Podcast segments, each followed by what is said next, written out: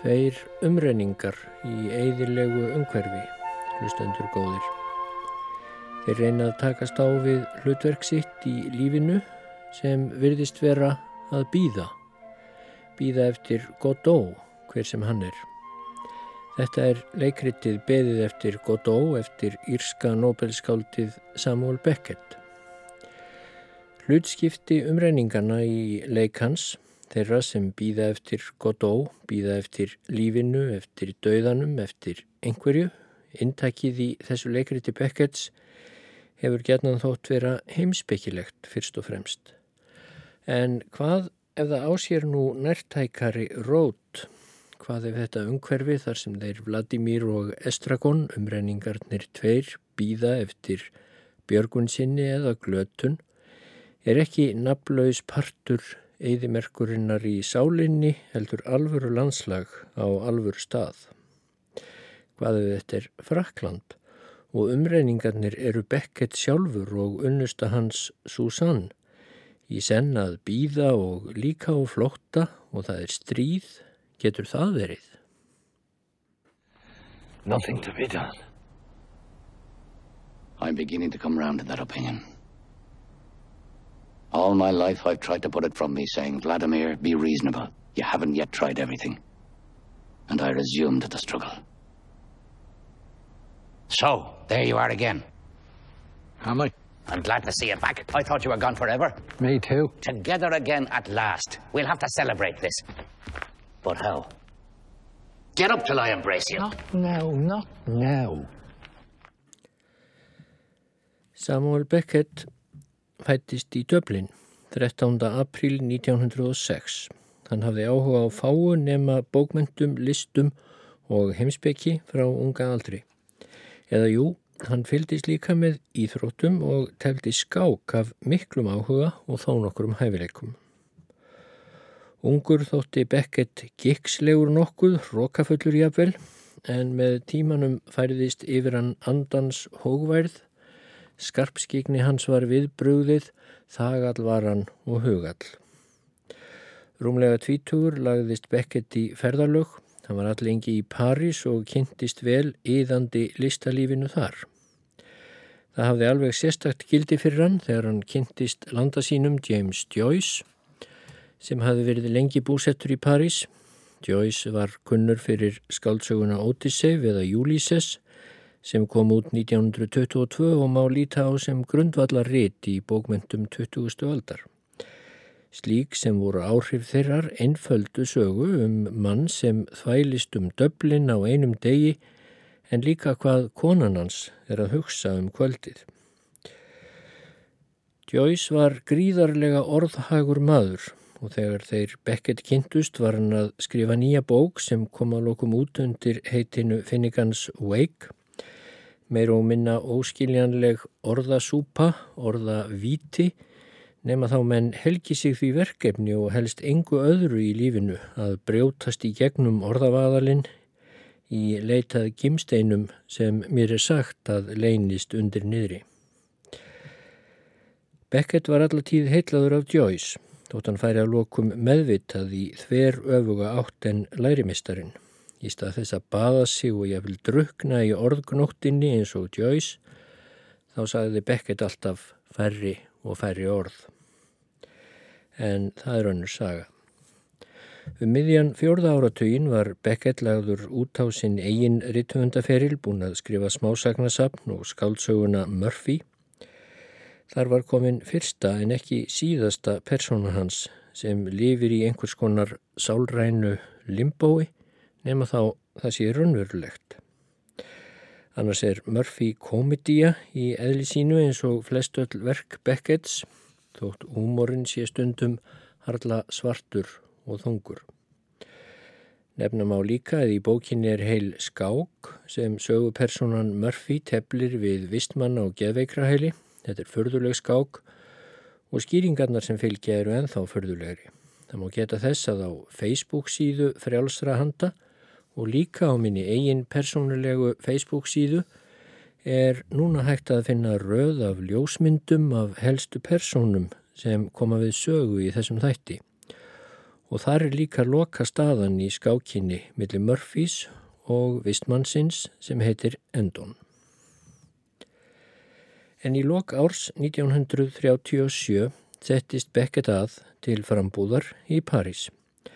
Fadur hans var látin og það hafði slest íllilegu upp á vinskapin millir hans og móður hans sem vildi að hann hætti þessu listastúsi og fengi sér alminlega vinnu. Honum ógnaði líka þröngsíni og staðanaður stöðugleikin í Írum á þeim tíma og gæti ekki hugsað sér að búa áfram á Írlandi.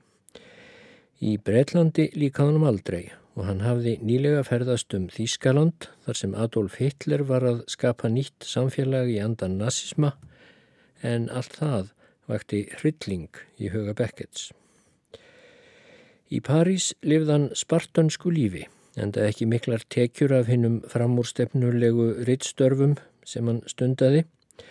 Hann legði sér íbúð við Rýtu Favorít nr. 6 í 15. hverfi, ekki all fjarrri FL-turninum og bjóð þar á samt unnustu sinni, Susanne Desjavaux du Mesnil. Susanne var útlærður pjánuleikari en fegst líka við ímislegt annað sneið kjóla, kendi tónfræði og fleira tilfallandi. Hún var eldskarpur aðtáandi framúrstefnu í listum og mjög vinstri sinnuð í pólitík. Samband þeirra Beckets var ekkert óhóflega ástríðufullt frekar en flest annað í lífi Beckets. Hann trúði á að hafa heimil á sér, bæði í listum og lífi. Þau Susann voru kannski frekar tröstir vinir og samherjar en eldheitir elskendur. Þegar síðari heimstyrjöldin braust út 1. september 1939 var Beckett stattur á Írlandi í sjálfkjafri heimsókn hjá móður sinni. Hann snýri þá umsvifa laust aftur heim til Fraklands. Betra er Frakland í stríði en Írland í friði, mun hann hafa sagt.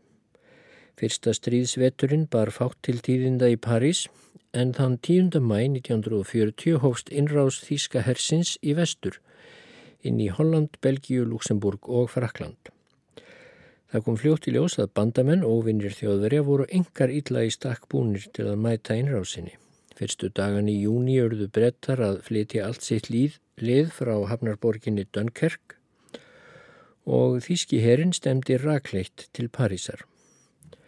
Beckett hafði gefið sig fram til að keira sjúkrabíl á vikstöðunum en til þess kom ekki því allar varnir hrundu áður en hann geti tekið til þeirra starfa. Þann 10. júni 1940 flúði franska ríkistjórnin frá París og ljóst var að borgin yrði ekki varin. Mikill mannfjöldi stemdi þá burt frá París til að þurfa ekki að þóla herna um þjóðverja og Beckett og Susanne ákvaðu að slást í förina. Þau yfirgáfu íbúðuna við Rýtu Favorít Beckett bar tvær þungar skjóður með föttum, fáinum bókum og frönsku þýðingunni af Murphy sem hann var að vinna að með vini sínum Alfred Perón. Susan bar hins vegar bakpoka fulla af föttum og personlegum eigum. Þau örkuðu allar leið upp á lestarstöðuna Gardu Lyon og náðu einni af síðustu lestunum sem fóru frá París. Eftir að hafa borgað miðan áttuðu aðeins peninga fyrir mat í örfa á daga.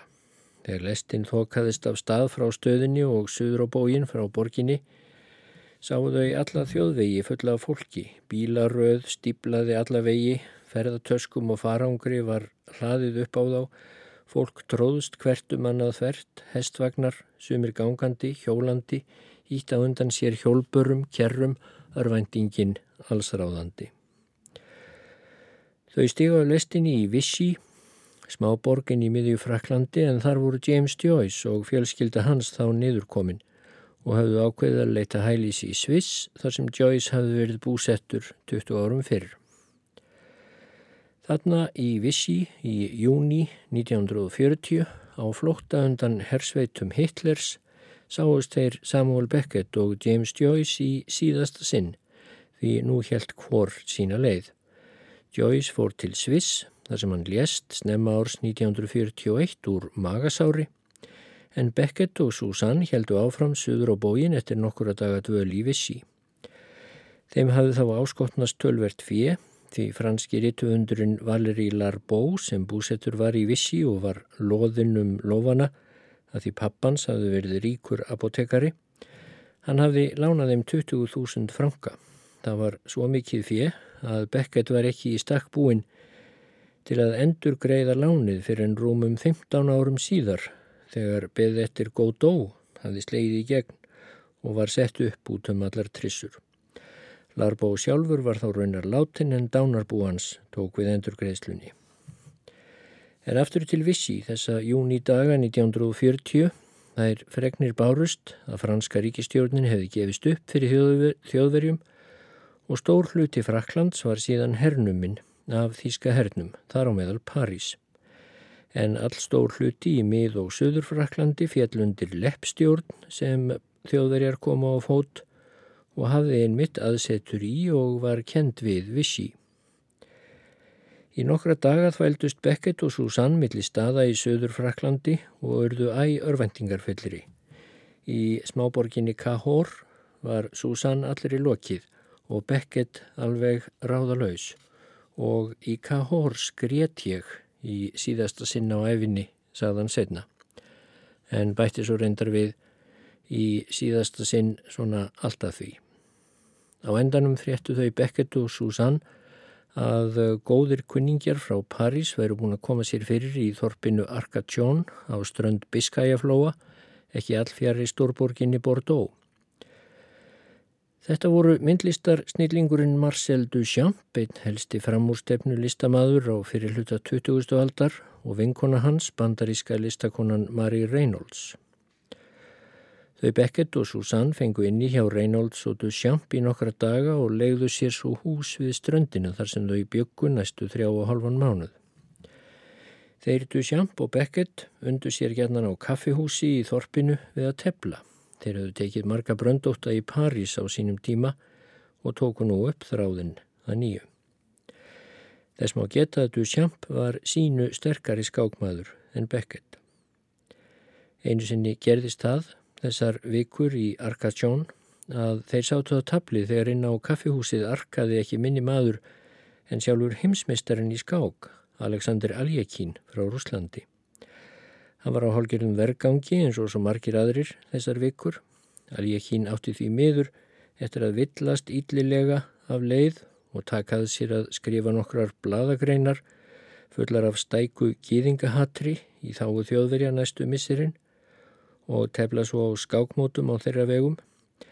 En það vissu Duchamp og Beckett ekki þá, svo þeir horðu bara á meistarann eins og forfallnir aðdáendur á popstjörnu.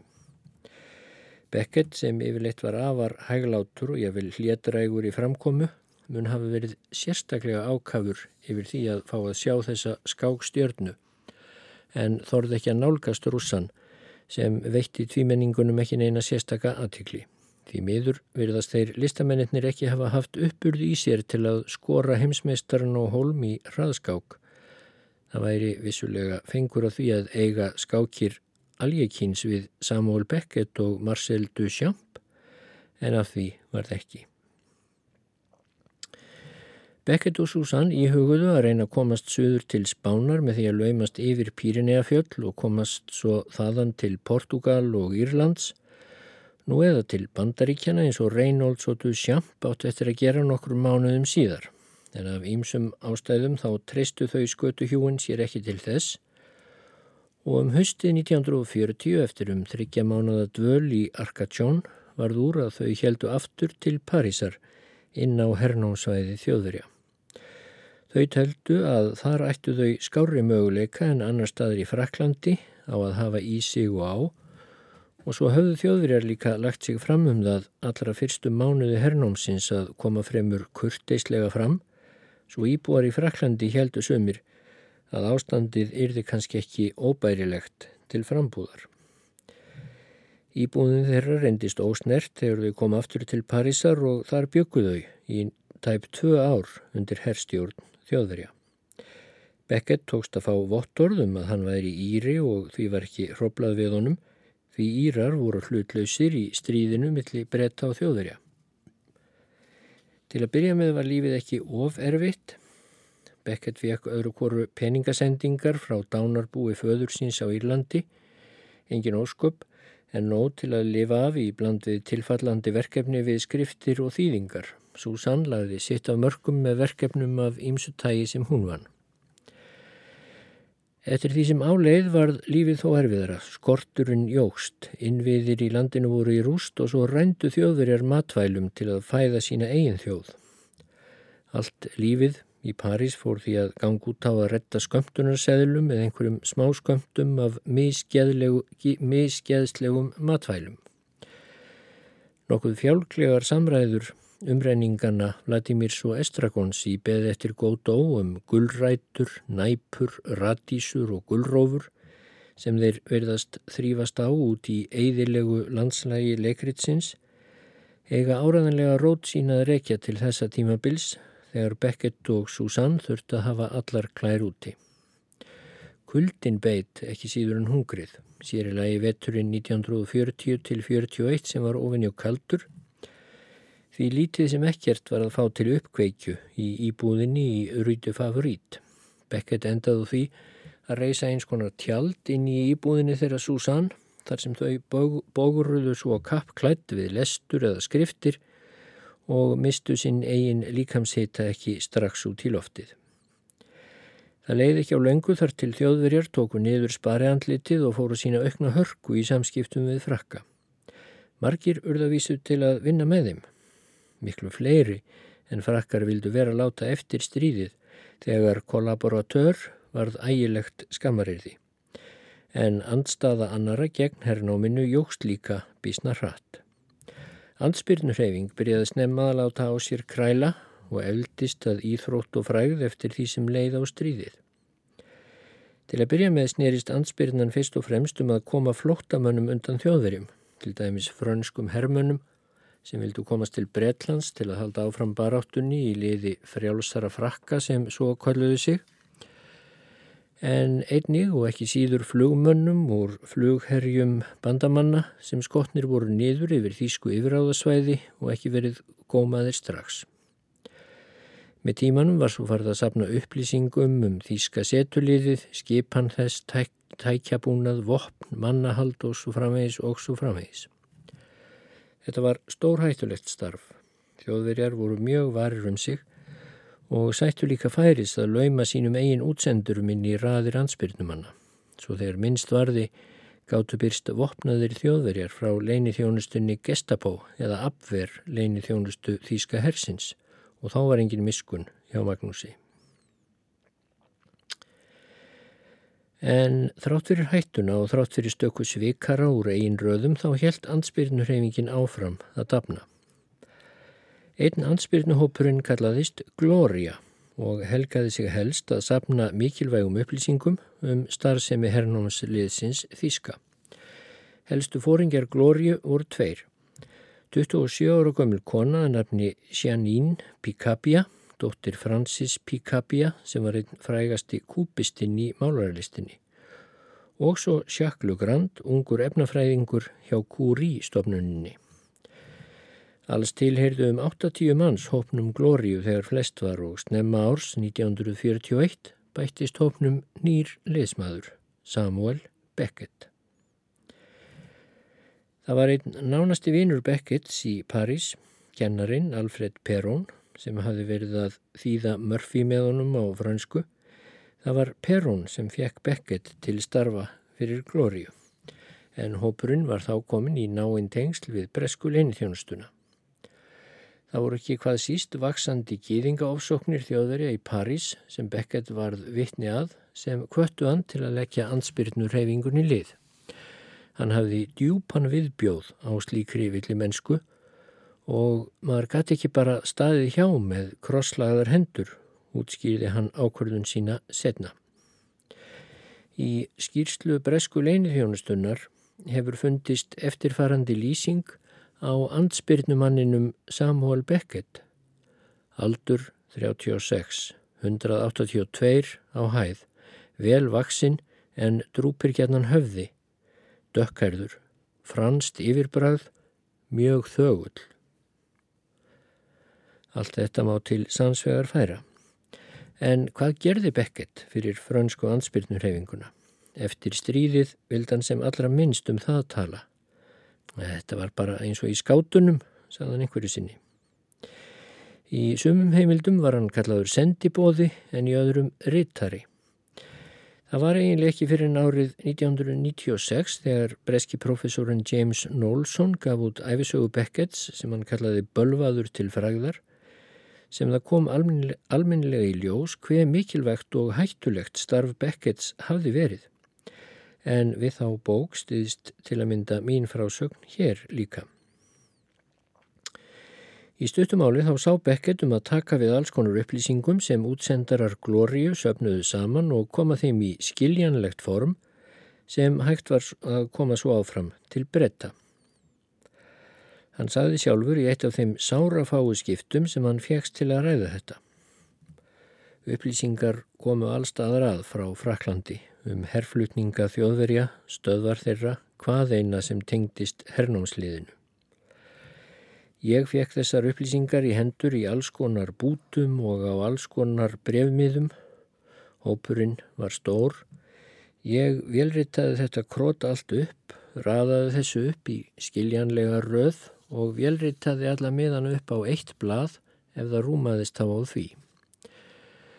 Svo sá ég um að koma blaðinu til Gríkjan okkurs sem var partur af hópnum. Hann bjónir í 14. hverfi og hann tók myndir af blaðinu sem ég hafði velritað og svo var það minkað nýður í eins og elspítustokk. Alveg ólæsilegt en það var hægt að stekka þetta. Svo fór Gríkin með þetta til frú Picabia, móður Sjanín og fyrrum konu Francis Picabia.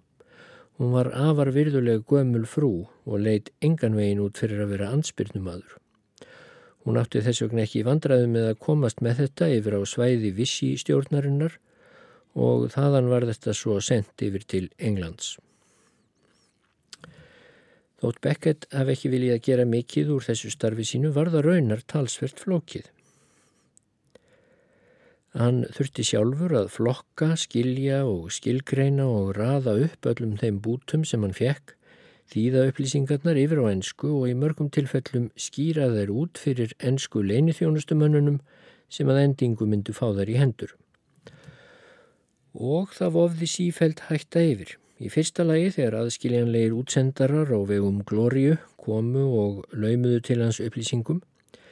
Í öðru lagi var þetta stór hættulegt að geima þessi gögn heima á rýtu favorít meðan hann var að vinna úr þeim og velritaðu upp. En þar naut hann digrar hjálpar Susann sem stutti og tók þátt í starfi hans. Og í þriðja lagi gæti ímislegt gerst þegar Beckett laumaðist á fund Gríkjans sem hétt raunar Haji Lazaro.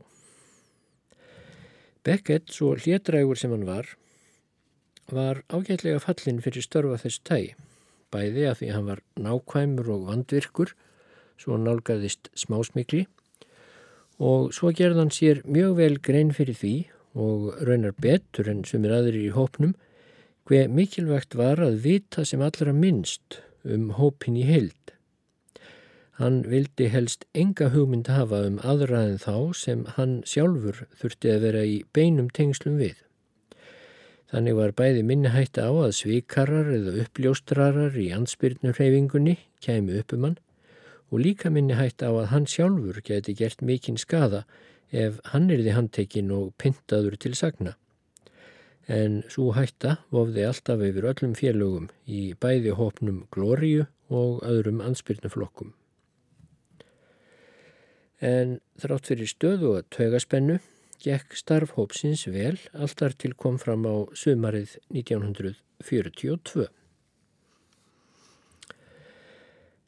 Nú kemur til sögunar kathólskur guðsmaður að nafni Robert Alesch. Hann fættist 1906, var því jafnaldri Beckets, 35 ára þegar hér var komið sögu. Ales fættist í Luxemburg, lærði sína guðfræði í Freiburg í Þískalandi og var svo výður til prests í Sviss árið 1933. Tveimur árum síðar, 1935, var hann svo skipaður aðstóðarprestur eða vikar við Nikolásarkirkjuna í sókninni La Varenne eða San Mór sem var þorp skamt fyrir suðaustan París, einhverja tæpa 15 km frá miðborg Parísar. Liðu svo árin og ekki fór neinum sérstökum sögum af Aless. Þetta var lágvaksinu maður með hákollvik og stálblá augu, nokkuð sterkan augnsvip, bísna röggsamur í framgöngu en annars ekki íkja eftirminnilegur. Hann var vel látin í sókn sinni og leitt orðið á sig sem frakka. Eftir hernám þjóðverja fannst sóknarbörnunum í Lavarenn meira segja sem aðstóðarprestur þeirra væri nokkuð djarfur í pretikunum sínum í Nikolásarkirkjunni. Hann talaði svo sem ekki opinskátt gegn þýska hernámsliðinu en það fór ekki millir mála að marga kvassa sneið sendi hann bæði þjóðverjum og ekki síður frönskum samverkamannum þeirra. Sum sóknarbörn hans óttuðust að hann myndi ganga á langt og koma sér í vandræði við hernámsefirvöldin en Aless let allar áhyggjur af slíku sem vindumeirun þjóta og það var eins og það ykist á honum slátturinn við áhættuna. Eftir messu á sunnudögum fór hann yfirleitt inn til Parísar og syndi þar ímsum erindum. Hann legði herbergi við Rue Spontini í 16. hverfi miði að vegu milli Boulogne-skóar og Sigurbógans og þar gista niðurlega ef hann valdist inn í borginni og reyndar var litli presturinn ekki allur það sem hann var séður. Hann hafði nefnilega á fyrirluta ársins 1941 komið sér í kynni við andspyrnuhóp sem hafði aðalbæki stöði í sókninni hans og var undir stjórn Kornungsmanns að nafni Pierre Maurice Desingier. Hann var ekki orðin tvítugur, sá Piltur. Þessi hópur einbeitti sér að því eins og fleiri að koma breskum flugmönnum og öðrum flótamönnum undan klóm þjóðverja og burt úr landinu. Þetta var mjög hættulegt starf og smátt og smátt mingaði hópurinn eftir því sem fleiri fjallu í hendur Gestapo og Abver. Snemma sumars 1942 bankaði Ales því upp hjá ungum mannfræðingi, Sjermein Tilljón, sem bjó ekki langt frá þorpinu Lavaren, en hún var þá einn helstilið tóin í ansbyrnu hópi sem kallaðist því sérkennlega nafni Sapn um mannin. Sáhópur hafði náinn tengsl við Glóriuhópin sem Beckett tilherði og hann var meðal þeirra umsviðu mestu í París þá mánuðina. Ales var í fullum prestaskrúða þegar hann bankað upp á í þryggjaheða húsinu sem Tiljón bjó í á samt móður sinni og þar sem margir flótamennu voru yðurlega í felum. Presturinn tjáðinni að hann væri úr ansbyrnuhópi hins unga Dessin Jess og vildi nú bjóða safninu um mannin fram krafta sína. Tiljón var tortrikinn eins og gefur að skilja svo mjög sem þjóðverjar sátu um ansbyrnuhópana og gaf því fátt upp við Alesh en sáð honum að koma setna. Svo spurðist hún fyrir um hann bæði hjá Desinche og sömuleiðis nunnu einni sem starfaði við hjúkurun á svæðinu og kallaðist sýstir Ernestína. Þeim og öðrum sem Tiljón spurðist fyrir hjá bar saman um að sér Ales væri dáðuríkur ansbyrnumadur, sannfærður óvinnur nazista og trúr og diggur frakki nú orðið þótt fættur væri sem fyrir segir í Luxemburg og vissulega væri hann prestur. Svo Tiljón tók sér Ales fegins hendi sem dugum miklum nýliða í safninu um mannin. Nú stóðu nefnilega mikið til.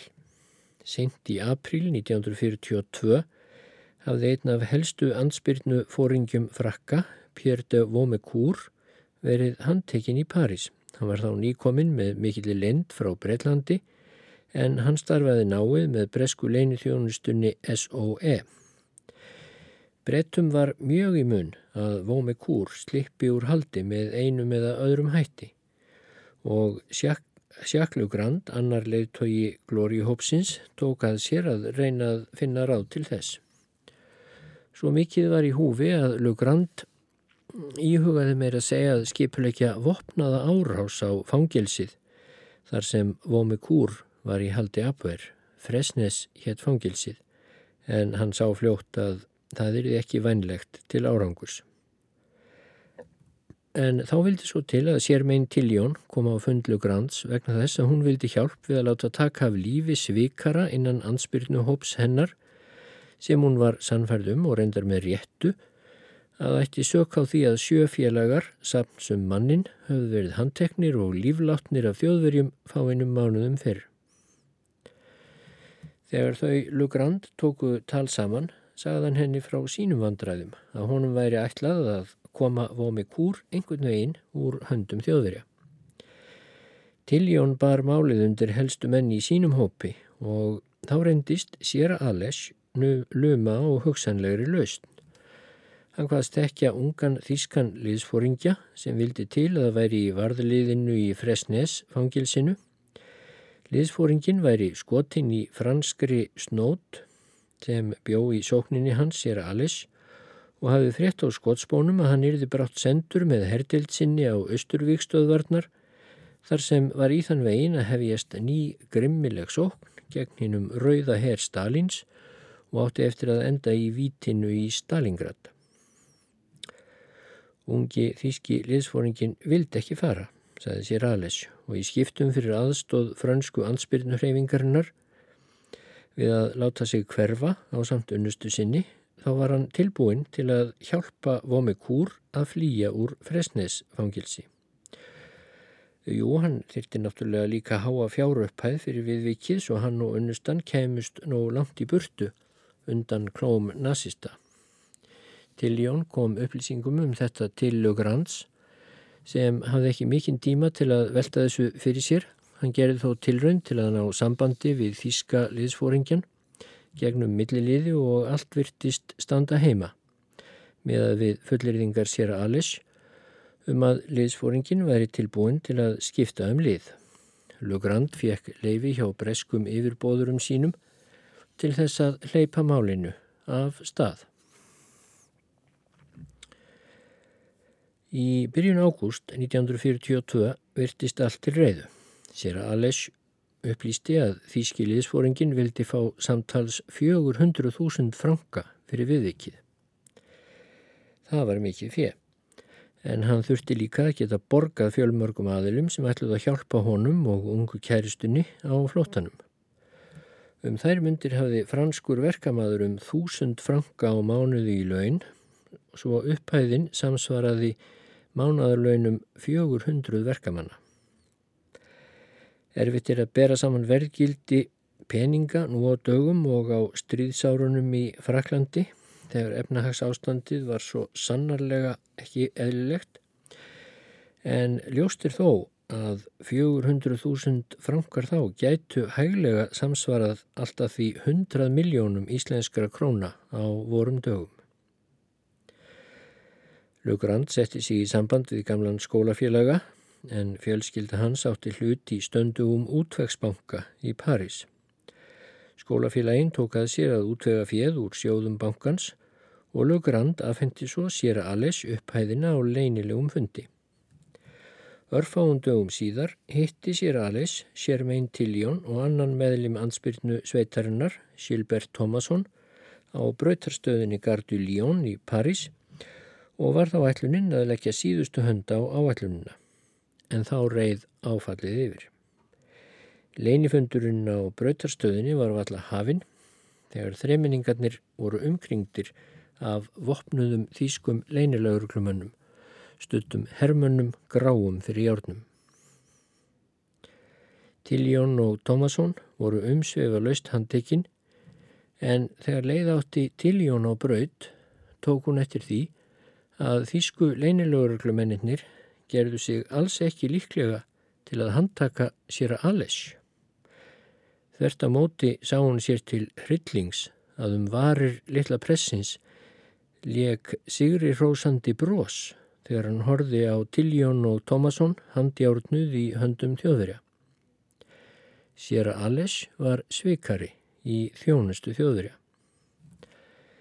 Síðar kom í ljós að árið áður, 1941, hafði sér alessjað eigin frumkvæði, gengið á fund Þísku leinithjónustunnar í París og bóðist til að lauma sér inn í raðir fransku ansbyrnurhefingarinnar og fylgjast með og koma upp um starfsemi hennar. Sér Alice var sannarlega verðmættur í augum apver. Ekki aðeins var hann jafnvígur á frönsku og þísku og gætt því smegt sér víða. Heldur var hann katholskur prestur og frakkar höfðu ríka tilneyingu til að treysta prestum sínum. Tala nú ekki um þegar að Ales var orðin kunnur á því að tepla og tæpasta vað í pretikunum sínum í andúð á þjóðverjum og samverkamönnum þeirra. Slíkur prestur hlaut að vera pottjettur eins og sér megin Tiljón hafði til að mynda álíktað. Svo sér Ales var skráður sem útsendari nr. 162 í bókum Þísku leinithjónustunnar og tók þegar til starfa af miklum eldmóði.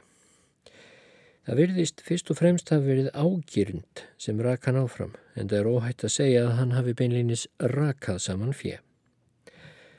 Hann fekk ekki aðeins mjög há först laun fyrir sveiksemi sína, heldur fekk hann líka bónusa fyrir hvern þann félaga í ansbyrnurhefingunni sem hann kom upp um og áallad hefur verið að hann hafi haft um 25.000 franka á mánuði frá þjóðverjum en eins og ég sagði áðan þá hafði franskur verkamaður þá um þúsund franka í mánadarlaun. Og svo þarfir utan voru 400.000 frankarnir sem hann hafði herjað útur lögrand og útvegsbankanum. En sér að Ales hafði svo sem nófið peninga að gera. Ferðarlög hansinn til miðborgar Parísar eftir messu á sunnudögum voru korki til að sinna geistlegum erindum nýja málum ansbyrnurhefingarinnar. Heldur stóðan þar í stanslösu sukki og svínari. Í herbergi hans við Rui Spontini reyndist hafi verið stöðugt parti og hann kom tveimur ástkonum sínum einnig á launaskrá hjá þjóðverjum. Það er stöðlutnar fengu samtals 5.000 franka á mánuði eða fimm mánadarlaun verkamannsins. Það verðist þó ekki hafa verið fjegraðgin einn sem réð gjörðum sér aðles, heldur líka fíkn í spennu og kannski bara beinlýnis ánægja af undirferðlum eins og marka má af einlægri gleðinni sem skein úr svipans þegar hann horða á eftir þeim Tiljón og Tómasson þegar þau voru leitt burt og hann vissi að það var alveg undir hælinn lagt hvort þau myndu lifa þetta af.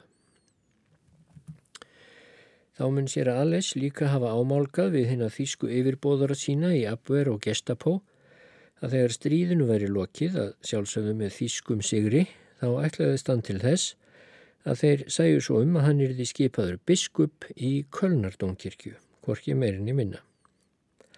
Ekki fór nú svo og ólíkurðu örlög þeirra sér meginn Tiljón og sér að Ales eftir að þau sáust í síðasta sinn á brautarstöðinni Garduljón. Hún var flutt í fangabúðunar í Ravensbrück, nálagt Berlín, á samt móður sinni. Móðurinn lifði fangavistina ekki af, en Tiljón slapp lífandi og skrifaði setna stórmerkilegar endurminningar sínar úr fangabúðunum. Ekki nómið það heldur hafði hún samið óperettu meðan hún satt í Ravensbrück þar sem fangavistinni er líst í förðulega léttum dúr. Það var nefnilega ein leið til að takast á við ólýsanlegan hryllingin í búðunum. Eftir stríðið vann Tiljón mjög merkilegt starf á sínum mannfræðasviði ekki síst í miðausturlöndum og Norður Afríku og hún var í hópi þeirra fyrstu sem andmæltu pyntingum franska hersins á meðlimum ansbyrnurhefingar gegn frökkum í allsýr. Hún reyndi þá sitt ítrasta til að stöðva blóðbæðið þar af begja hálfu. Tiljón fekk að lokum mestallan þann heiður og flest öll þau heiðursmerki sem frönskum þegn standa til bóða og á hundrað ára afmæli hennar þá var óperettan hennar flutt við hátíðlega aðtöfn í París, það var árið 2008. Nokkru setna, þegar hún lést, rétt aður hún varð 101 árs, þá fór fram tákgræn útför hennar í kirkjunni Pantheon í París, þar sem kvíla fáeinir tugir af helstu menningar hetjum frakka gegnum tíðina. Allt frá Voltaire, Rousseau, Victor Hugo og Marie Curie til Jean Moulin og Simon Weil en endalók sér Ales urðu önnur. Tiljón tókst ekki að koma skilabóðum um sviksemi hans til félaga sinna í ansbyrnurhefingunni og hann held því uppteknum hætti. Mörg dæmi er um það næstu misseri að hann hafi ákaft kvart ungt fólk í sóknsinni til þess að ganga til liðs við ansbyrnurhefinguna.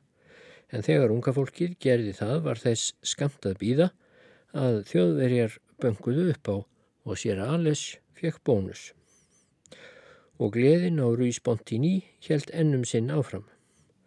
En svo færði sér aðlis í raunar söður á bógin og held áfram að svíkja ansbyrnumenn í hendur Gestapo í Lyon og nákrenni.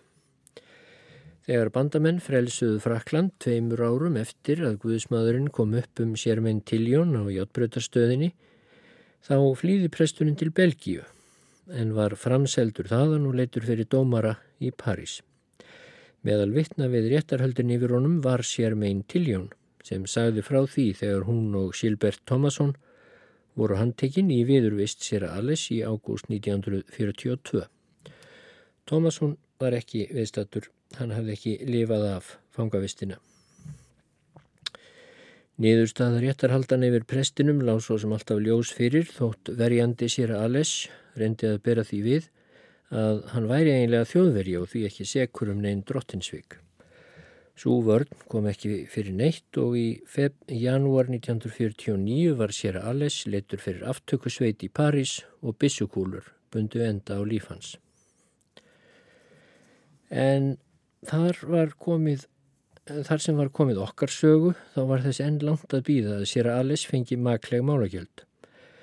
Það var enn bara ágúst 1942 og Gestapo og Abver í París letu nú duglega til skaraskríða gegn ansbyrnu hópnum safninu um mannin og líka glóriu á grundvelli upplýsinga frá sér Alice og síðar nafnarlista og ímissa upplýsinga sem, fór, sem fundust í fórum handtekina.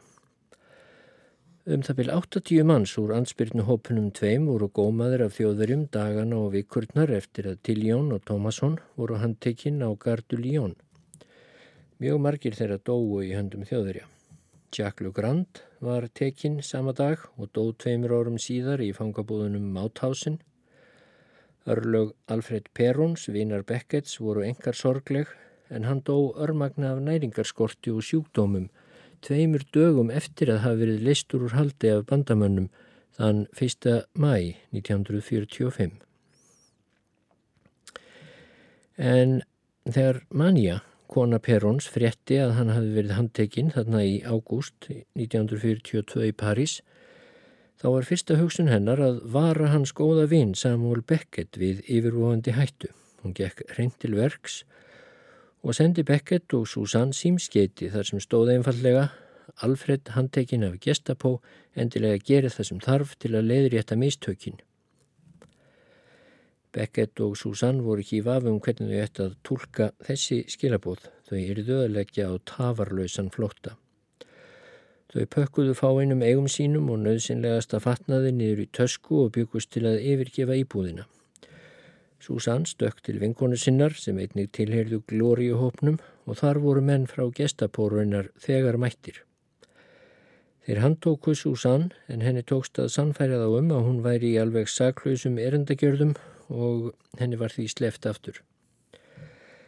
Á meðan hafði Beckett ekki getað stilt sig um að reyna að ringja í að minnstakosti tvo af samverkamönnum sínum. Hann náði ekki sambandi við eittirra og sá var skömmu setna handtekinn og pintaður grimmilega af þjóðverjum. Beckett náði hins vegar sambandi við gríska ljósmyndaran en af einhverjum ástæðum var gríkin ekki nógu fljótur að bregðast við. Hann var því enn heima við þegar gestapó mætti til að handtakan. Strax og Susann kom aftur heim á Rútu Favorít og hafði sloppið svo giftuglega úr klómu gestapó þá var hins vegar ekki eftir neina býða fyrir þau Beckett. Ekki er vitað hvort að Ales vissi sjálfur af þeigjandalega Íranum og því starfi sem Beckett vann fyrir ansbyrnurheyfinguna eða hvort Gestapo komst að nafni hans með einhverjum öðrum hætti eftir að hrun glóriuhópsins hófst en hittir ljóst að þjóðverjar fréttu mjög fljótlega af Beckett. Þau Susann máttu því sannarlega engan tíma missa og gerðu sér líka fulla grein fyrir því. Þau gripu eina ferðartösku, stungu í hana og eina tvær skjóður dáltaða föttum og það litla sem þau áttu að peningum í handraðanum og flýttu sér á braut. Engin var að vera á því að bæði Beckett og Susann hefðu mjög fljótlega verið handtekinn, eflaust pyntuð og sendi í fangabúðir ef þau þá lifðu pyntingarnar af, sem ekki, alls ekki allir gerðu. Húsvörðurinn í Rýtu Favorít sagði setna frá því að bara rétt eftir þau lögðu og flótta þá kom gestabó en greip í tómt. Svo það er greinilegt að starf Beckets fyrir ansbyrnurhefinguna var svo sannarlega ekkert hættu laust skátastarf. En þarna standaði núna úti á gangstjettinni við Rýtu Favorít nr. 6 Samuel Beckett og Susan Desjevó Dumisníl með einaferðartösku, tvær skjóður, þau eru í yfirhöfn, það er ágúst 1942, þau eru að leggja á flotta frá sjálfri nazista lauruglunni Gestapo, frá morðsveitum Adolfs Hitlers. Og nú tekur við langt ferðalag, langur flótti yfir eðilegt landslag bæði ytra sem innra, langur feluleikur, laung leit að greiðastað, að björgun, kannski frelsun, kannski glötun, laung dvölmilli vonar og ótta, bæði ytra sem innra, laung byð eftir. Where shall we go? Not far. Oh, yes. Let's go far away from here. We can't. Why not? We have to come back tomorrow What for? to wait for Godot. Ah, yes. He didn't come. No. Now it's too late. Yes. Now it's night. I can't go on like this. That's what you think. If we parted, it might be better for us. We'll hang ourselves tomorrow.